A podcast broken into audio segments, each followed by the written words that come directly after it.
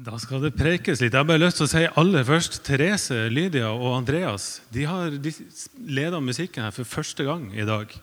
Og Jeg syns det er bare en fryd å høre dere og se dere og være sammen med dere. Tusen takk at dere er her og gjør dette her. Det er fantastisk fint.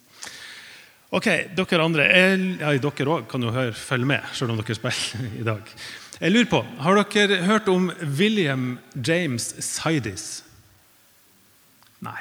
Det er det ingen som har. Altså, William James Sidis det er verdens smarteste mann. Dumt for dere at dere ikke har hørt om han. Han er i hvert fall den som har fått målt høyest IQ i hele verden noen gang.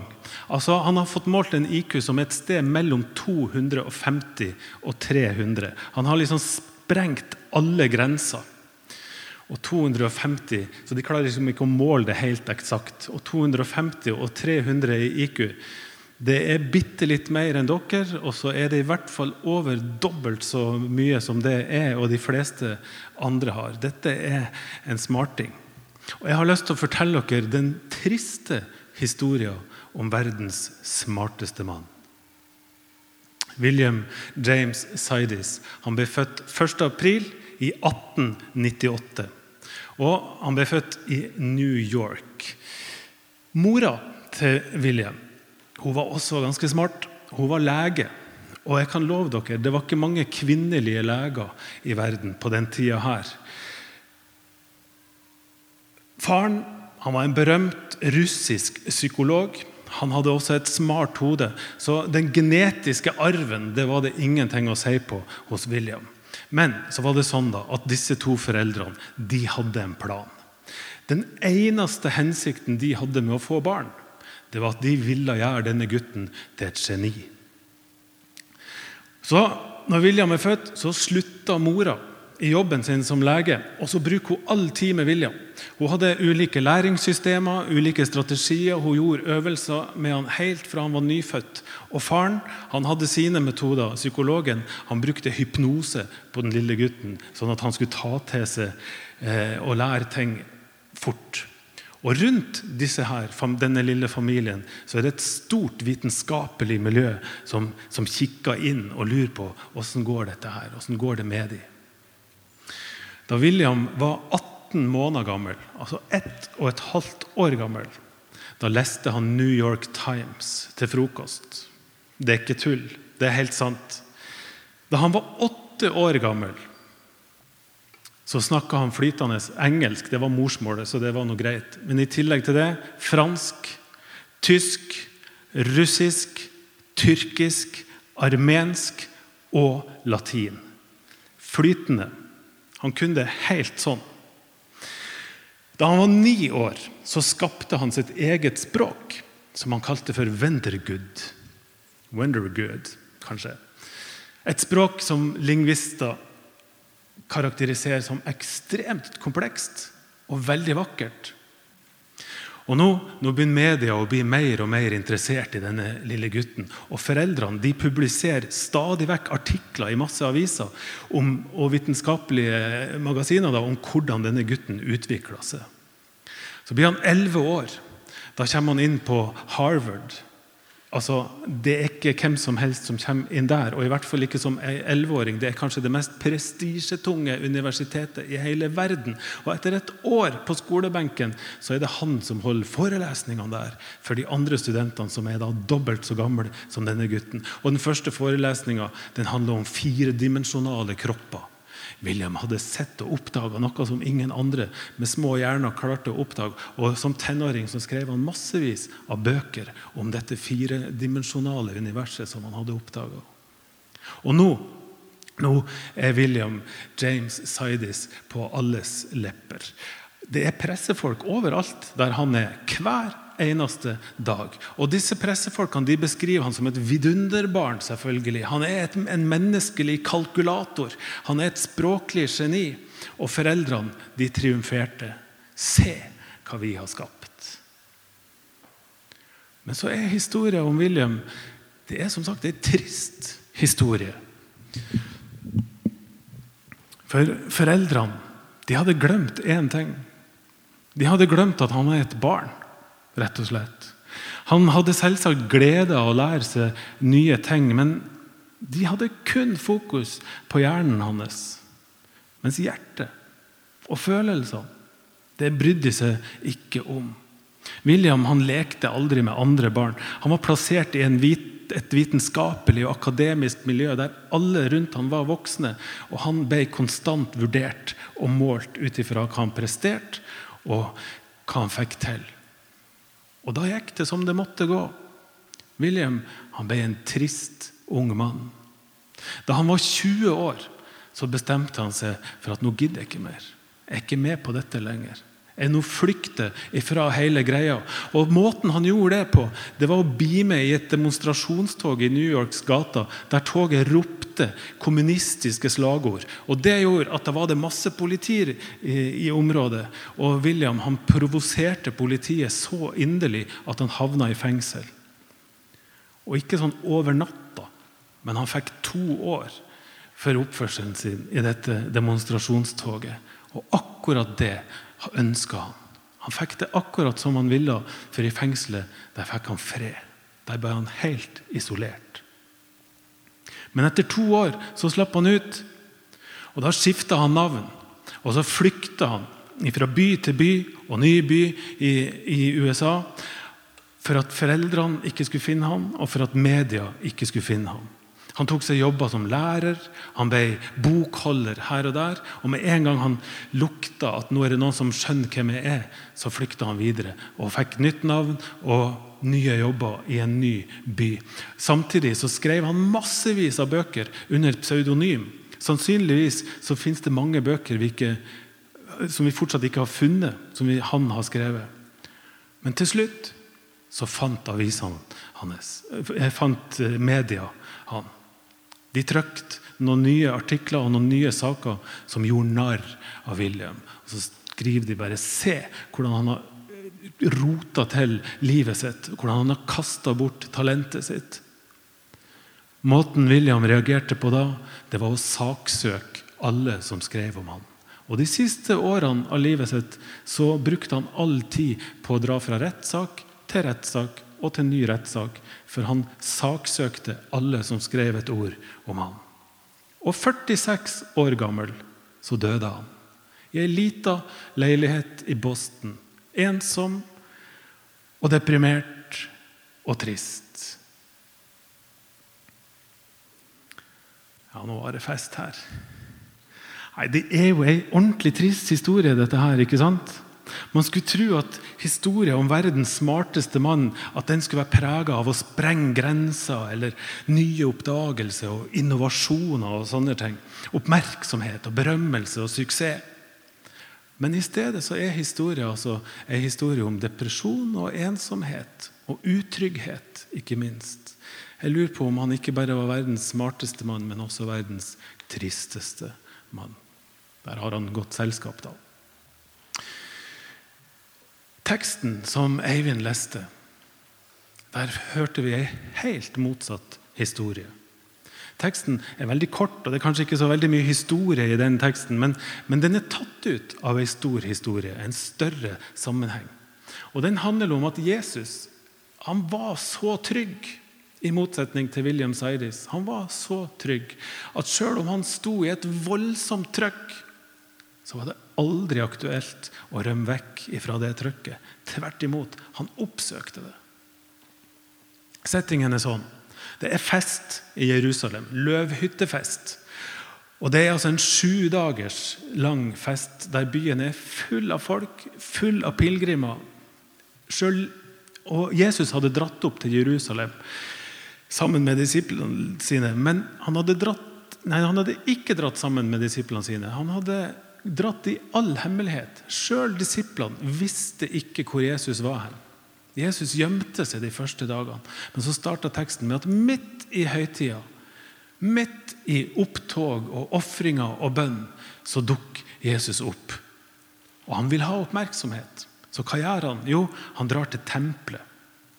Og I tempelet så begynner han å undervise.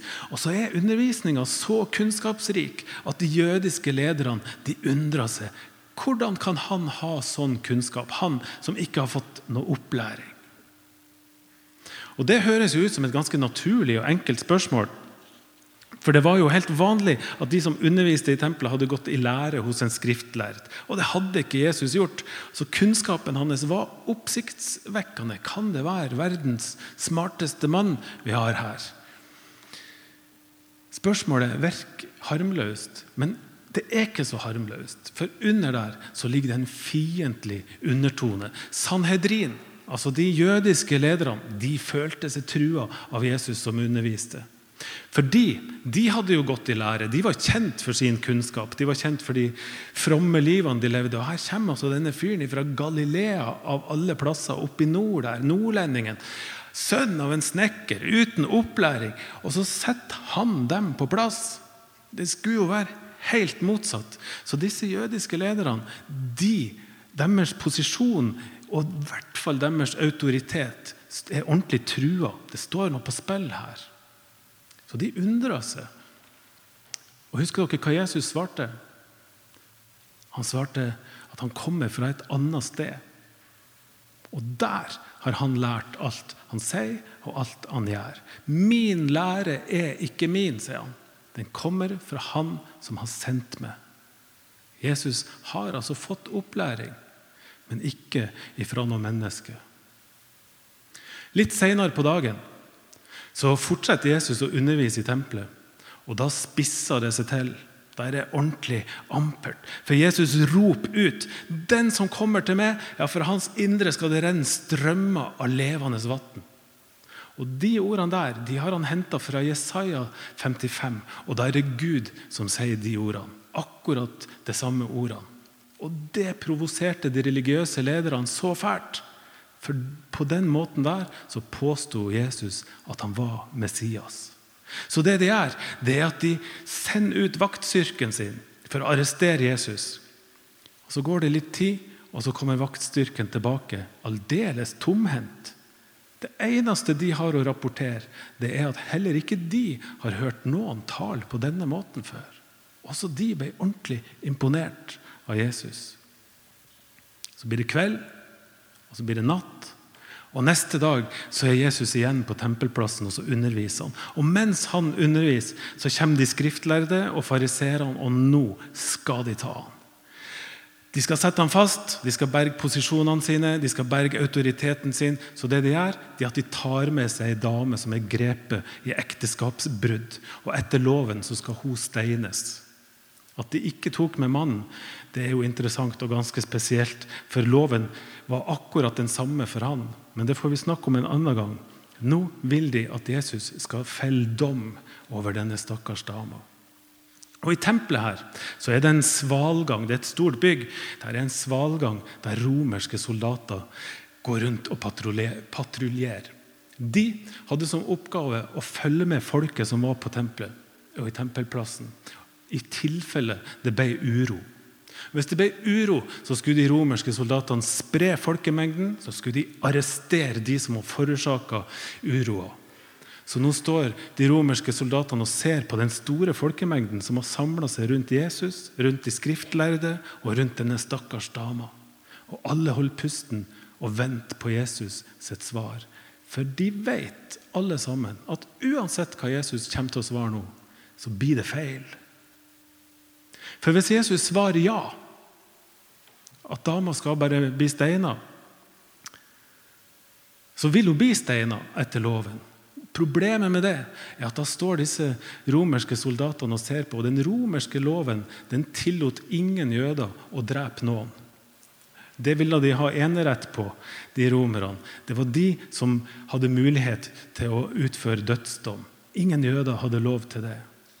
Og Hvis dette da skjedde, hvis Jesus svarte ja, så ville de romerske soldatene garantert arrestere Jesus. Ja, Kanskje til og med drepe han.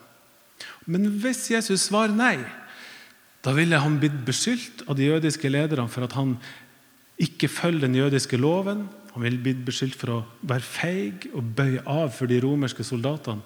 Så ville han mista sin autoritet. Skjønner dere? Det er en umulig oppgave han kan verken svare ja eller nei på dette spørsmålet. Og Dere som har gått på søndagsskole, dere husker kanskje hva Jesus gjorde.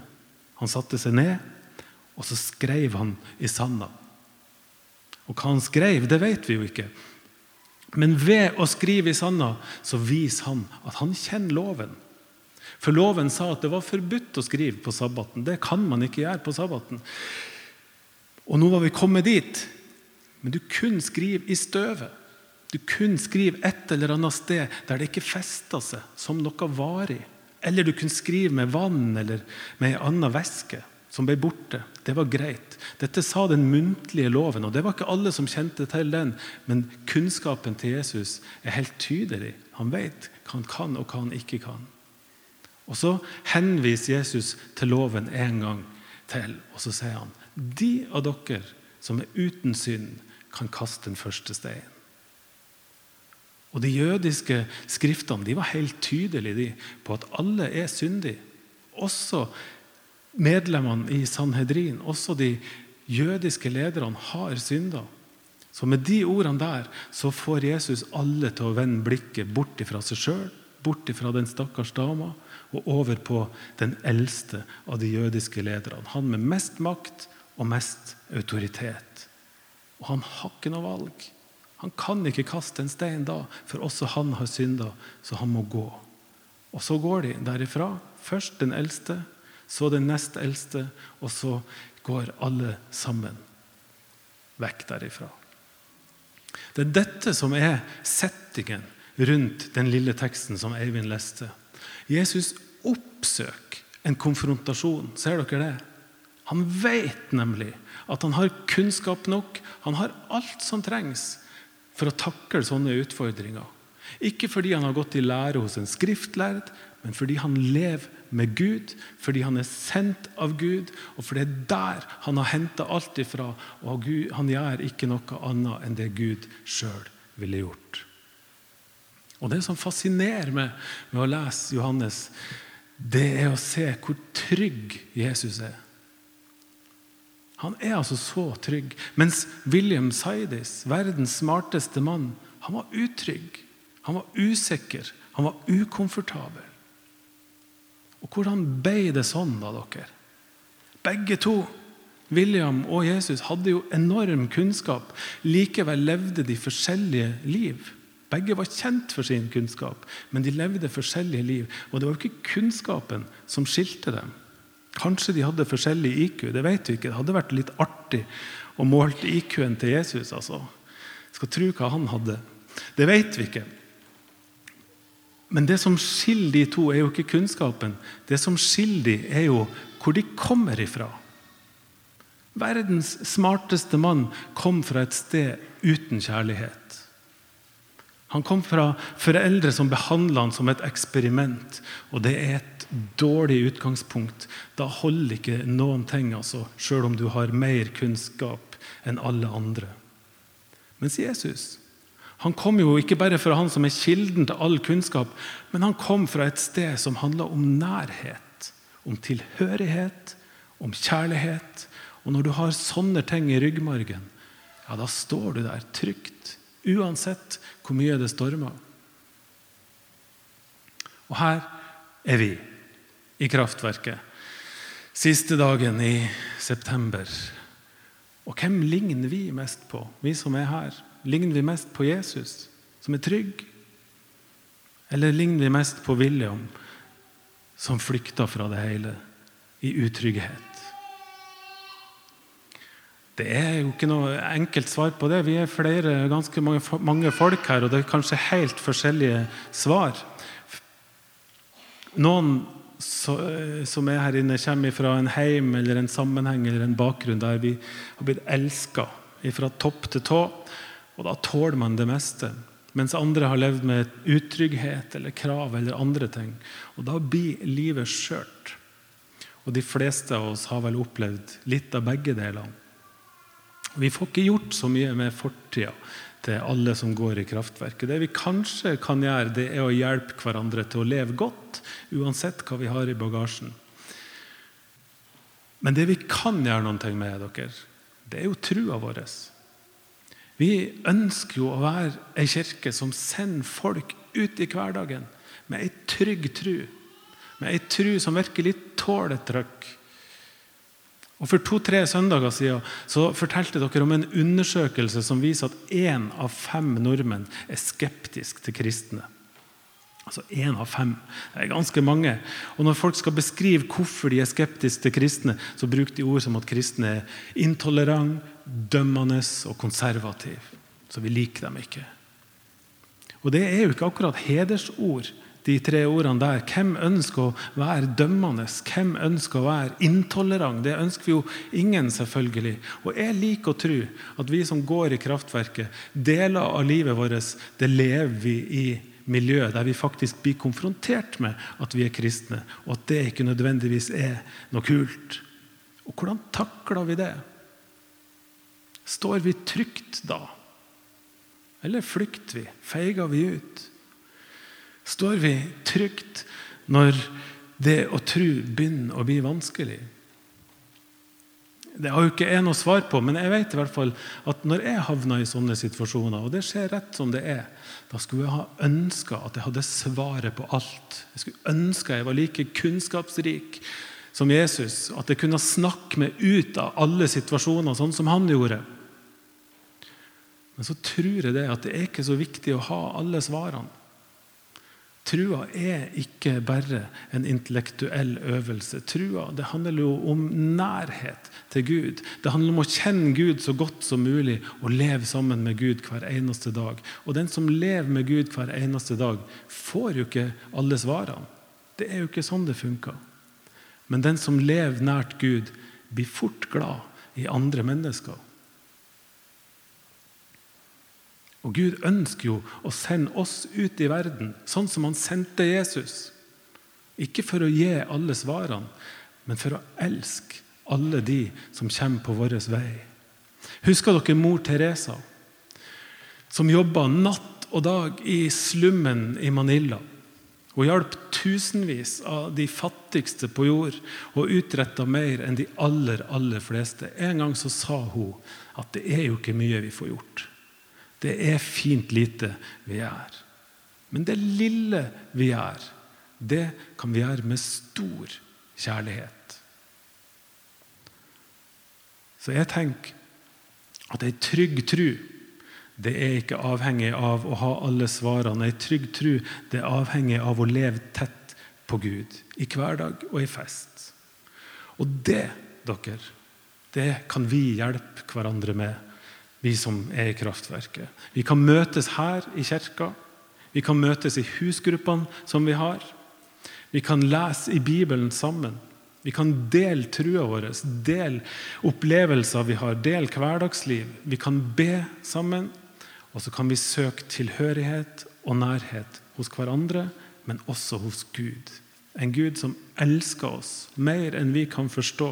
En Gud som er i stand til å gjøre oss trygge også de gangene vi ikke har svaret på alt. Det er vårt prosjekt. Kom hit. Bli kjent med Gud som elsker oss. Gå ut i hverdagslivet. Bety en forskjell. Stå trygt. Og det håper jeg at dere er med på denne høsten, og når våren kommer, at vi hjelper hverandre å tro.